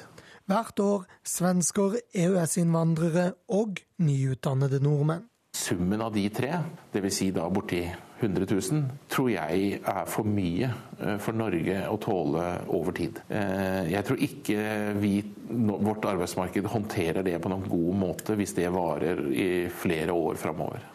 Vi trenger ingeniører og eksperter til oljenæring og verftsindustri. Men det er servitørene, ikke ingeniørene, som kommer hit. Det bekymrer sjeføkonom Roger Bjørnstad i Poiri. Eh, sammenlignet med andre land så er det lavt utdannede høytlønte i Norge. Eh, og da blir vi attraktive for de med lav utdannelse å komme hit og søke arbeid. NHO Årnes ber norske politikere sende en hilsen til søtabror. Norge kan på en måte ikke redde Sverige fra ungdomsledigheten. Altså. Det har vi ikke muligheter til. Du kan lese mer om de mange mytene om innvandring på nrk.no. Reportere her var Lars Nehru Sand, David Krekling og Katrine Hammerstad. Venstre er ikke enig i at arbeidsinnvandringen er på grensen av det bærekraftige. Partileder Trine Skei Grande mener NHOs virkelighetsbeskrivelse er for snever. Arbeidsinnvandring har ingenting med å være snill med andre å gjøre. Det handler om at norsk næringsliv skal overleve fremover. Og vi har en stor vekst, og den veksten klarer vi ikke å ta unna bare med egen norsk arbeidskraft, og i hvert fall ikke på de områdene der vi ikke klarer å utdanne nok folk, f.eks. innenfor realfagene og ingeniørfag. I byen Homs nord i Syria forbereder regjeringen nå et angrep mot opprørerne. Homs har vært åsted for noen av de verste kampene under borgerkrigen i Syria. Og Midtøsten-korrespondent Sigurd Falkenberg Mikkelsen, du er i Homs. Hvordan merkes dette? Dette er jo en delt by nå, med myndighetene på den ene siden og opprørerne i kontroll over noen av områdene i sentrum. Og der innenfra kommer det nå kraftige eksplosjoner. Vi hører også spredt geværild. Slik har det vært i morgentimene. Det var også slik i, i går kveld og i går ettermiddag. Og ifølge de jeg snakker med her i Homs, så er det mye mer enn det pleier å være. Og mye tyder derfor på at regjeringen nå setter i gang en, en offensiv Opposisjonsbevegelsen har også advart mot dette. At regjeringen nå prøver en offensiv i, her i Homs, også et par andre byer. Homs er jo et strategisk veldig viktig sted for myndighetene i Syria. Det er nøkkelen som binder kystområdene og hovedstaden Damaskus sammen. Den syriske opposisjonslederen besøkte i går landets største by, Aleppo. Hva betyr det? Det er jo viktig for opposisjonsbevegelsen av flere grunner. Det ene er at det viser at de har såpass god kontroll over de områdene i Aleppo at de kan tillate seg at Mas al-Khatib reiser inn og blir værende noen timer. Han møtte 220 opprørskommandanter. Dernest er det viktig for opposisjonsbevegelsen, den politiske, i eksil, å få bedre kontakt med den militære delen her inne i Syria. Og også kanskje også litt for den standingen den har i de opprørskontrollerte områdene, i hvert fall. For de har jo et troverdighetsproblem i og med at de sitter i eksil. Rapporterte vår Midtøsten-korrespondent Sigurd Folkenberg Mikkelsen fra Homs i Syria. Norsk gass blir mindre viktig for Tyskland fremover. Samtidig ser prisene ut til å bli presset videre nedover, og det betyr mindre inntekter til norsk velferd. Dass Norwegen als eine wichtige Säule äh, der deutschen Gasversorgung auch in Zukunft eine Rolle spielt. Forbundskansler Angela Merkel på snarvisitt i Norge nylig. Norsk gass skal spille en viktig rolle framover, sa hun, men virkeligheten er at både etterspørselen og prisen synker. Wird der Erdgaseinsatz in Deutschland massiv zurückgehen? Det blir en massiv tilbakegang i bruken av gass de neste tiårene, sier dr. Felix Mattes fra den uavhengige vitenskapelige tenketanken Øko-institutt. NRK møter forskningslederen i Berlin, og han viser hvordan forbruket har falt til nå. En massiv satsing på fornybar energi og billig kull konkurrerer rett og slett ut gass. Tar man toget ut av Berlin, dukker det opp vindmøller nærmest overalt. Og gule åkre der det nå lages mais og raps til biodrivstoff, viser hva de energivende betyr. En av verdens viktigste økonomier på full fart mot en grønnere framtid. Og kanskje verre for inntektene til den norske velferdsstaten framover. Norsk gass vil dessuten havne i kraftig priskonkurranse, påpeker forskningsleder Felix Mates. Det sa reporter Linda Reinholdsen. Hver fjerde nordmann har kjøpt legemidler eller kosttilskudd på internett. De blir ofte ufrivillige prøvekaniner, det sier Legemiddelverket. Jeg tror ikke folk helt forstår hva de tar sjansen på å kjøpe. Sier legemiddelinspektør Line Saksegård. Hun er skremt over hva de finner når de kjører tilsynelatende uskyldige kosttilskudd gjennom analysemaskinene. Så vi tar ekstraktet, da, vi sentrifugerer dette her tar vi ekstraktet og injiserer det på den gasskromatografen. Vi er med overingeniør Olav Bøyum på Legemiddelverkets laboratorium. I to prøveglass blir kosttilskuddstabletter løst opp ved hjelp av alkohol og ultralyd. Analyseresultatet viser at den ene urtepillen ikke inneholder noen virkestoffer. Ikke engang urter. Så dette her vil ikke ha noe som helst virkning, mest sannsynlig. Den andre urtepillen inneholder store mengder av det samme virkestoffet som finnes i potensmiddelet Viagra. Mens denne her, African Superman, den inneholder en kjempetopp her, og den toppen her, den er sildenafil. På oppdrag fra Legemiddelverket gjennomførte MMI en stor spørreundersøkelse i høst, som altså viser at rundt 200 000 nordmenn har bestilt legemidler på nett. Du risikerer ved å kjøpe medisiner på internett at det ikke inneholder legemiddel i det hele tatt. Sier Saksegård. Langt flere, over én million av oss, har bestilt kosttilskudd. Det kan være like farlig, sier fagdirektør Steinar Madsen på Legemiddelverket. Og Her kan de jo da i god tro kjøpe et produkt, tro at det ikke er legemiddelstoff i det. Og så bruker de det, og så får de alvorlige bivirkninger, slik som blodtrykksfall, besvimelser. Og i verste fall så kan det fremkalle døden hos pasienter med alvorlig hjertesykdom. Reportere var Arild Svalbjørg og Line Hødnebø. Og du får mer om denne saken i Puls på NRK1 i kveld. Presidenten i Det internasjonale skiforbundet er bekymret for skisportens fremtid dersom norske utøvere fortsetter å dominere. Norge ble den overlegent beste nasjonen under ski-VM i Val di Fiemme. Åtte ganger ble Ja, vi elsker spilt i VM for norske gullmedaljer. I tillegg ble det fem sølv og seks bronse totalt i langrenn, hopp og kombinert. Nest beste nasjon ble Frankrike med tre gull og én bronse. Yes, then it will hurt the sport, to be very honest. There is no question. Ja, det vil skade sporten, det tror jeg helt ærlig, hvis Norge fortsetter dominansen og de andre nasjonene ikke blir mer konkurransedyktige, sier Gianfranco Casper, og viser til at interessen internasjonalt i så fall vil minke i årene som kommer. But it could hurt the sport or the worldwide interest if just one nation is dominating. Tilskuere fra flere nasjoner har i løpet av VM uttrykt at det er kjedelig å se på når Norge dominerer. Om det blir kjedelig er jeg kanskje litt usikker på. fordi det er klart For oss handler det om at de løperne som trener for dette, her, de, vi må ha respekt for at de definitivt prøver å gjøre sitt beste. Sier Norges skipresident Erik Røste, som gjerne vil samarbeide med andre nasjoner for å bidra til å heve kompetansen. Heldigvis, vil mange si, ble det svensk seier på femmila i går, og ingen nordmenn på seierspallen. Det er bra, mener Petter Northug, som selv tok to gull i Fiemme. Jeg føler vel aldri at det har vært så jevnt i, tett, i, toppen i, i internasjonalt uh, herrelangrenn. Jeg mener at det er helt for interessen så er det, er det bra. Reporter var Geir Elle. Ansvarlig for sendingen var Elin Pettersen, teknisk ansvarlig Per Ivar Nordahl og her i studio Anne Jetlund Hansen. Dette er Nyhetsmorgen. Nå til Jerusalem. Der er det mange israelere som vil bygge et nytt tempel der de historiske templene en gang sto. Problemet er at der står Klippemoskeen, et av muslimenes helligste steder, og den må i så fall rives. Sissel Wold har besøkt en av dem som ivrer mest for denne ideen. Jeg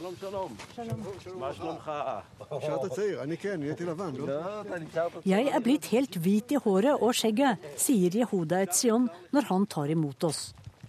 Etzion figurerte ofte i mediene da han var i den jødiske undergrunnen for 30 år siden. Da ble han kastet i fengsel for det han kjemper for, å bli kvitt moskeene på Tempelplassen. For han vil bygge jødenes tredje tempel i Jerusalem. Mens han heller saft i glassene, forklarer han hvorfor.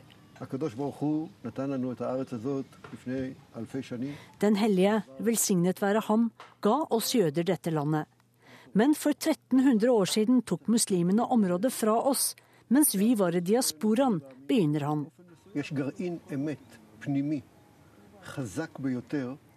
Den eneste sannhet er at Eretz Israel, landet Israel, tilhører det jødiske folk. Det må alle forstå, krever Jehuda Etzion. Han er en av pionerene i Gush Emanim, gruppen som først grunnla ulovlige bosetterkolonier på okkupert land. 40 år senere sitter vi i hagen hans i bosettingen Ofra.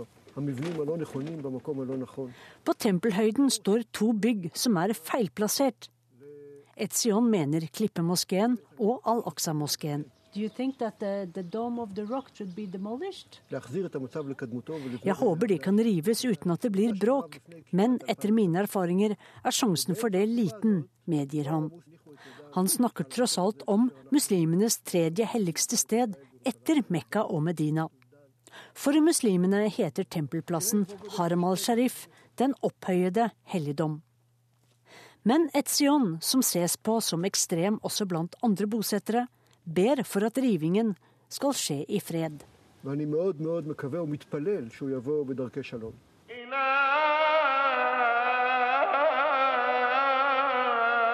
Hver fredag samles tusener av palestinere til fredagsbønn på Haram al-Sharif. Plassen kalles også Tempelplassen fordi jødenes to templer sto her. Babylonerne ødela det første rundt år 580 før Kristus. Romerne jevnet det andre i år 70 etter Kristus. Klippemoskeen ble bygget på 600-tallet av kalifen Abdel al-Malik. Den rosa klippen moskeen er bygget over, er hellig for både muslimer, jøder og kristne. Legendene forteller oss at det var her jorden først ble til, og det var her Abraham skulle ofre sin sønn Isak. Det var her profeten Mohammed for til himmels på hesten sin, og det er her trompetene først skal lyde på dommens dag. Ikke rart det er kamp om klippen på plassen på Moriafjellet. Nøkkelen til fred i Midtøsten er at jødene får Moria-høyden tilbake fra muslimene, sier Etzion. På 80-tallet ble han dømt og måtte sone i fengsel for å ha planlagt å sprenge Klippemoskeen i lufta. Nå er våpenet hans en ny byplan. Den hvithårede 61-åringen tar oss med til kontoret tvers over veien. Dette er Jerusalems fremtid, sier Jehuda Etzion. På tegningene ser vi at de to berømte moskeene er borte, mens tempelet er gjenreist i all sin prakt. Akkurat som for 2000 år siden. Dette er Nyhetsmorgen, og dette er hovedsakene. NHO advarer mot arbeidsinnvandring til Norge, mener vi ikke kan fortsette å importere lavt utdannet arbeidskraft i samme tempo som nå. Syriske regjeringsstyrker forbereder et stort angrep mot opprørerne i byen Homs. Opprøret i landet har pågått i to år. Én av fire nordmenn har kjøpt kosttilskudd eller legemidler over nett. Pillene er ofte virkningsløse eller svært skadelige, opplyser Legemiddelverket. Bekymring preger Politisk kvarter i dag, Sigrid Solund. NHO er bekymret for om det kommer for mange innvandrere til Norge, mens Oslo Høyre bekymrer seg for samferdselspolitikken og vil gi mer makt til byråkratene.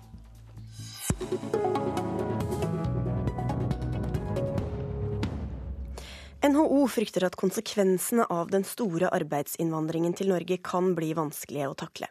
Selv om organisasjonen mener en del innvandring er bra, kan det være skjær i sjøen hvis det fortsetter som i dag. Avdelingsdirektør i NHO Dag Årnes, hva slags utfordringer kan den store innvandringen by på? Ja, For det første så eh, er jo hovedbildet at innvandringen er positivt. Eh, arbeidsinnvandringen er svært positiv for Norge, eh, for økonomien vår. Men det må også være tillatt å, diskutere litt hvor mange som kommer, og hva det norske arbeidsmarkedet kan håndtere av arbeidsinnvandring. De siste ti årene har vi skapt 30 000 arbeidsplasser per år i gjennomsnitt. Og vi kan jo reflektere litt over det tallet i forhold til arbeidsinnvandring på rundt 50 000 f.eks. Har vi et fleksibelt nok og dynamisk nok arbeidsmarked til å ta imot Eh, stor arbeidsinnvandring. Hva slags problemer kan eh, oppstå da? Eh, sånn På kort sikt så virker det på meg som om det viktigste er knyttet til at syv av ti jobber jo kommer i Oslo, Akershus, Rogaland, Hordaland, sentrale strøk, der hvor boligmarkedet f.eks. er i ferd med å bli helt sprengt og, og, og, og prisene går av hengslene. sånn at rett og slett mangel på boliger og, og, og infrastruktur er en, et viktig aspekt ved dette. Dessuten så, så, har vi en situasjon i Norge nå hvor 100 000 eh, Statistisk sentralbyrå melder om 100 000 arbeidsledige. og 40% av NHO-bedriftene sier at de mangler kompetent arbeidskraft. Så det er ikke riktige personer nødvendigvis som kommer for vårt arbeidsmarked? Nei, det er altså et eller annet som er slående ved, en, eh, ved denne situasjonen. At vi har en, mismatch-problem under utvikling i det norske arbeidsmarkedet. Altså mange samsvar mellom kvalifikasjoner til eh, arbeidssøkerne og, eh, og, og det bedriftene trenger. Inger Lise Blyverke, du leder arbeidslivspolitikken i hovedorganisasjonen Virke, som organiserer bedrifter innen handel og service. Hvordan står det til med din bekymring? Jeg er nok ikke riktig så bekymret som NHOs representant her. Så 70% av sysselsettingsveksten kom fra arbeidsinnvandring. Det viser jo at det er behov for arbeidsinnvandrerne. Og Vårt utgangspunkt er nok at vi trenger eh, både arbeidsinnvandrere som skal komme her for kortere tid, og for lengre tid. Vi trenger arbeidsinnvandrere med høy kompetanse, men også de med lavere kompetanse. Og vi trenger dem altså i de fleste bransjer og næringer, eh, både i privat sektor og i offentlig sektor. Og for meg i hvert fall så er det jo et tankekors at selv om EU ikke er, nei, Norge ikke er medlem av EU, så er vi medlem av EØS-samarbeidet eh, og fri flyt av arbeidskraft og tjenester. Og Norge er i høykonjunktur. Det er store deler av Europa ikke. Eh, det er derfor helt naturlig at det kommer arbeidsinnvandrere til eh, Norge. Det viser at det systemet fungerer. Eh, og det skulle bare mangle at ikke vi, så godt som råd er, er i stand til å bruke den arbeidskraften når vi faktisk vokser. Årnes, hva slags tiltak eller virkemidler kan egentlig norske politikere gripe til så lenge vi er med i EØS-avtalen? Nei, Vi er med i EØS-avtalen, og den er veldig positiv for Norge. Så, eh, og Der følger det eh, denne eh, arbeidsinnvandringen, som er, som er i, det store og det hele veldig positiv. Det vi er opptatt av, er den økonomiske politikken i Norge. At den er tilpasset denne situasjonen. At vi får et arbeidsmarked som er i stand til å til, å være si, dynamisk nok og vekstkraftig nok til å, å, å, ta, å, å, tilby arbeid til så mange. Men Du nevnte også eh, arbeidsledigheten. Hva kan den høye innvandringen gjøre med de gruppene som kanskje lett faller utenfor, altså f.eks. norsk ungdom? Eh, det er vel eh, en del forskere som har pekt på at det kan forekomme fortrengningseffekter. Og det, det bør vi være veldig oppmerksomme på. Det er selvfølgelig et tema som er vanskelig å snakke om, men det er ikke desto mindre viktig å være oppmerksom på det. Altså at norske ungdommer ikke får jobb pga. f.eks. svensker som kommer hit? Ja, nettopp. Mm. Blyverket? Jeg er nok ikke helt enig i den analysen. Eh, de arbeidsgiverne som vi har god kontakt med, de sier ja takk, begge deler. Eh, de trenger eh, arbeidskraft, og de er flinke til å rekruttere både innenfor f.eks. Nav-systemet og når det gjelder arbeidsinnvandrerbefolkningen. Sånn at jeg er opptatt av at vi klarer å fortsette den veksten som er i Norge. At vi sysselsetter på en god måte de som kommer. Og vi må også være klar over at i en del bransjer der behovet for formelle kvalifikasjoner ikke nødvendigvis er så stort, så har også bedriftene gode systemer for å drive internopplæring og gi den nødvendige kompetanse. Sånn at både den innenlandske arbeidskraften og den utenlandske arbeidskraften er i stand til å levere. Men når det er sagt, så, så, er jeg helt enig med NHO i at vi skal ha et blikk på hvilke konsekvenser stor arbeidsinnvandring kan få for Norge på sikt. Ikke minst så er det jo viktig å sørge for at eh, vi sikrer deltakelse i arbeidslivet, at vi ikke driver med kontantoverføringer og, og lager systemer som gjør at eh, folk ikke lenger er i arbeid. Men bekymra er du altså ikke sånn på kort sikt? Nei, Jeg ser ingen grunn til å være bekymret. Norsk arbeidsmarked er fleksibelt i dag. Det tar imot arbeidsinnvandrere innenfor en lang rekke bransjer. Det går godt i Norge, og det ser ut som om vi er i stand til å um, tiltrekke oss arbeidskraft som faktisk er produktive. Et høykostnadsland som Norge, hvor også lav, uh, kompetent arbeidskraft tjener relativt sett mye, klarer å levere, og det viser at uh, det fungerer. Ørnes? Nei, Jeg er veldig enig i disse, i disse vurderingene. Jeg, eh, vår bekymring knytter seg til eh, hvis, hvis, hvis, denne situasjonen vi har hatt i fjor eh, varer ved over flere år, det er da de virkelige utfordringene kommer. Og denne debatten fortsetter vel kanskje på Virkes store arbeidslivskonferanse i dag? Ja, og det er jeg helt overbevist om. Arbeidsglede smitter. Og hvis svensker er gode på service, så er jo det veldig bra, for vi trenger at arbeidsglede smitter. Takk, Takk skal dere ha for at dere var med i Politisk kvarter, Dag Årnes fra NHO og Inger Lise Blyverket fra Virke. Thank you.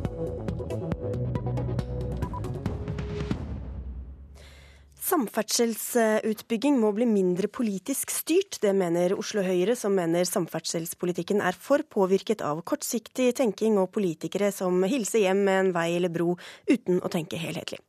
En egen etat som ser samferdselssektoren i sammenheng, er dermed spilt inn til Høyres programprosess. Leder av Oslo Høyre og stortingsrepresentant Nikolai Astrup, hva er det som ikke fungerer i dag? Det tar for lang tid, og det koster for mye å bygge ut vei og bane i Norge. Det er så enkelt og så vanskelig på samme tid. Eh, et eksempel kan jo være at vi startet planlegging av firefeltsvei gjennom Vestfold i 1985. Det vil stå ferdig i 2017. Og sånn kan vi ikke ha det. Og Hva er det ved dagens system at politikerne bestemmer og vedtar i Stortinget som gjør at det blir sånn, mener du? Nei, vi har en modell der eh, som inviterer til politisk spill eh, i, i, i stor grad. Og det fører til underinvestering og feilprioriteringer. Og eh, Grunnen til det er at vi vedtar samferdselsbudsjettet hvert eneste år. og Det betyr at det er finansieringen som styrer fremdriften, og ikke fremdriften som styrer eh, finansieringen av prosjektene. Og Hva slags alternativ ser du for deg? Nei, Vi ser jo for oss at vi kan samle eller Det viktigste for oss er at eh, politikerne kommer på armlengdes avstand, og at man ser eh, vei- og baneinvesteringer i sammenheng. Eh, og Da syns jeg vi kan la oss inspirere av svenskene, som har samlet dette i én etat, som heter Trafikkverket. Og der politikerne bestemmer de overordnede rammene og hovedprioriteringene og kan du si premissene som skal ligge til grunn. Eh, mens det da er etaten som har ansvar for å gjennomføre prosjektene på en rasjonell og god måte. Samferdselsminister Marit Arnstad, vi så deg kanskje på TV 2-nyhetene i går hvor du eh, var eh, skeptisk til et tilsvarende forslag. Hva, hva synes du om det Nikolai Astrup foreslår, å flytte makt fra politikerne? Marit Arnstad? Er ikke med også. Da blir det mer eh, utredning fra deg, eh, Nikolai Astrup. Jeg må jo spørre deg, Hvorfor trenger dere, eh, dere politikere noen andre til å tenke helhetlig og langsiktig for dere? Vel, jeg tror det er viktig at vi ser disse tingene i sammenheng, og vi må se landet som helhet. Og Utfordringen er jo at det blir den konstellasjon som hvert år får mest makt i, i samferdselsprioriteringene på Stortinget, som vinner frem. Det betyr at eh, det blir stykkevis og delt. Det blir en parsell her, en parsell der, uh, istedenfor å se hele strekninger i sammenheng. Og Det betyr at prosjekter tar mye lengre tid å gjennomføre, men det er også at de blir mye dyrere. Og Vi har jo eh, forsøkt oss med en litt annen type modell, i alle fall, der man, der man ser eh, finansieringen gjennom hele prosjektet under ett, som f.eks. da det ble bygget ut ny E18 gjennom Aust-Agder. Det tok tre år å bygge. Eh, mens Statens vegvesen brukte syv år i Vestfold på en like lang strekning. Så det viser at her er det eh, betydelig, en betydelig mulighet for å effektivisere utbyggingen. Men hvorfor klarer ikke dere politikere å gjøre det? Hva slags fallitterklæring er det å si nei, dette, dette må byråkratene ta seg av hvis vi skal tenke helhetlig? Ja, du kan si det er, eh, det, Kanskje er det det, men vi skal jo tenke helhetlig i den forstand at vi skal legge de overordnede rammene og premissene. og Det betyr jo f.eks. litt som vi gjorde da vi forhandlet klimaforlik. Der legger vi jo store føringer på hvordan hvordan eh, samferdselsutbyggingen skal være i og rundt eh, de store byene f.eks. Der trafikkveksten skal tas med kollektivt, sykkel og gange. Mm. Men detaljeringen av dette bør noen andre ta seg av. Nå skal vi prøve Marit Arnstad igjen. Jeg vet ikke hvor mye du har fått med deg, men du kjenner jo til temaet. Hva syns du om ideen om å skyve ansvar fra politikerne over på en byråkratisk etat? Nei, altså det er jo sånn at uh, Jeg tror ikke at redusert innflytelse for de folkevalgte og for Stortinget kommer til å være det viktigste i denne sammenhengen her. Jeg tror at det viktigste for å få en mer effektiv utbygging og mer sammenheng, det er å se på måten vi gjennomfører prosjektene på. Eh, og jeg tror Stortinget fortsatt ønsker å ha et ord med i laget om hvordan du prioriterer også på prosjektsida. Eh, når det er sagt, så tror jeg det at det er mange mindre prosjekt som i dag går til Stortinget, som du nok med fordel kunne ha latt være å fremme hver enkelt. Sånn at det er jo en mulighet å se på at det er de store tunge prosjektene som først og fremst går til Stortinget. Så du kommer han halvveis i møte her, da? Ja, jeg tror det at du må gjøre et klare skille mellom de små og de store prosjektene. Eh, men jeg tror samtidig at eh, Stortinget vil komme til å ønske å ha innflytelse også på prosjektsida, og det viser jo ikke minst de utrolig mange henvendelsene du får fra Stortinget og fra enkeltrepresentanter, også fra Astrup sitt eget parti, når det gjelder samferdselssaker. Men er du enig i beskrivelsen at det har vært for mye, eh, for lite helhetlig tenking, og for mange politikere som har hilset hjem med tanke på gjenvalg med en liten veistubb her eller en bro der? Jeg tror det er behov for mer sammenheng i utbygginga, og det tror jeg er viktig. Eh, og det tror jeg også det er mulig å legge opp seg uten at du derved reduserer den Stortingets innflytelse på, på sakene. Eh, jeg tror det ofte handler om både å få en raskere planlegging, eh, få en mer effektiv eh, gjennomføring, og også få etater som samarbeider godt. Og det gjør de jo også i dag, da, når det gjelder hele grunnlagsarbeidet til Nasjonal transportplan. Vel, og Jeg er veldig glad for at uh, samferdselsministeren kom meg uh, litt i møte. Uh, men jeg syns kanskje hun kunne gått enda lenger. Det er helt åpenbart at stortingspolitikere, sånn systemet er nå, ønsker å, å, å ha innflytelse på prioriteringene. Det sier seg selv. Men det jeg argumenterer for, er jo at vi bør ha dette på en litt mer armlengdes avstand. Eh, nettopp for, for, å unngå at det blir feilprioriteringer og underinvesteringer. Men, for vi kan ikke stole på dere politikere? Nei, men Vi skal være det folkelige skjønnet inn i systemet. Vi, være, vi er ikke eksperter. Eh, det er så enkelt. Eh, og det tror jeg vi må erkjenne. Vi er gode til å legge hovedprioriteringer, til å legge premisser, men vi er ikke gode til å planlegge om en stasjon skal være ved, den byen eller ved den byen. Altså, det må altså noen andre som er bedre enn oss, kunne klare å komme opp med svar på. Og Dette handler jo om at du skal ha en, en helhetlig og god gjennomføring av de prosjektene som er. og Da er den, den årlige budsjetteringen i Stortinget i seg selv et problem. Mm. Og, og, og, Da skal det ligge mer samfunnsøkonomi og samfunnsnytte til grunn eh, Arnstad, ved en sånn eh, ja. byråkratisk system? Ja, jeg tror ofte folk har et litt feilaktig oppfatning av samfunnsnytte. fordi at En tror nok ofte at det betyr at prosjekt i de sentrale områdene og byene er lønnsomme, mens de i distriktene er ulønnsomme. og Sånn er det jo ikke. Altså Samfunnsøkonomisk lønnsomhet det eh, vil jo f.eks. tilsi at en rekke av de store prosjektene i Oslo ville vært svært ulønnsomme hvis du har lagt den malen til grunn. Derimot så ville mange av strekningene på Vestlandet, ikke minst på E39, vært veldig lønnsomme. Og Det har jo litt med måten du beregner samfunnsøkonomisk lønnsomhet på. Sånn at Jeg tror faktisk fortsatt at det må være en helhetlig prioritering av samferdselsprosjekt, og den bør foregå i Stortinget. Og Det er jo nettopp det vi skal gi Stortinget mulighet til ved når de skal behandle Nasjonal transportplan for neste tiårsperiode. Jeg er helt enig med Marit Arnstad i at, eh, i at, eh, det er prosjekter både i byene og distriktene som vil være samfunnsøkonomisk lønnsomme. Sånn er det, men dette er ikke en by-land-debatt. Og jeg forsøker heller ikke å gjøre det til en by-land-debatt. Eh, dette handler om at uavhengig av hvor veien skal bygges, om det er i distriktene eller i byene, så må den gjennomføres på en rasjonell måte. Det må være eh, en sammenheng mellom eh, måten du planlegger på og måten du bygger ut på. Ja, men hun har sittet i regjering, ikke hun da, men hennes parti har sittet i regjering siden 2005. Og vi er altså ikke der enda. Og hun har hatt åtte år på å gjøre noe med det. Så da er det kanskje på tide å komme i gang med det. Men jeg tror kanskje også at en skal erkjenne at rasjonell gjennomføring handler om at det blir bevilga tilstrekkelig med penger. Og denne regjeringa har jo økt bevilgningene betydelig, og det gjør jo også at du Men dere har ikke fått noe mer vei for pengene, og det er det som teller til syvende og sist. Og da var vi inne i den økonomidebatten. Men også en også en mer rasjonell gjennomføring. Okay. og det det legger de jo nettopp an til i tida framover. Helt superkort, Astrup. Er behovet for etaten like stor hvis vi får en borgerlig flertallsregjering etter valget?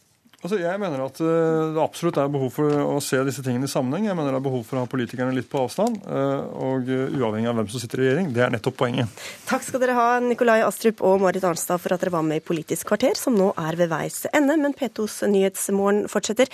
Mitt navn er Sigrid Solund.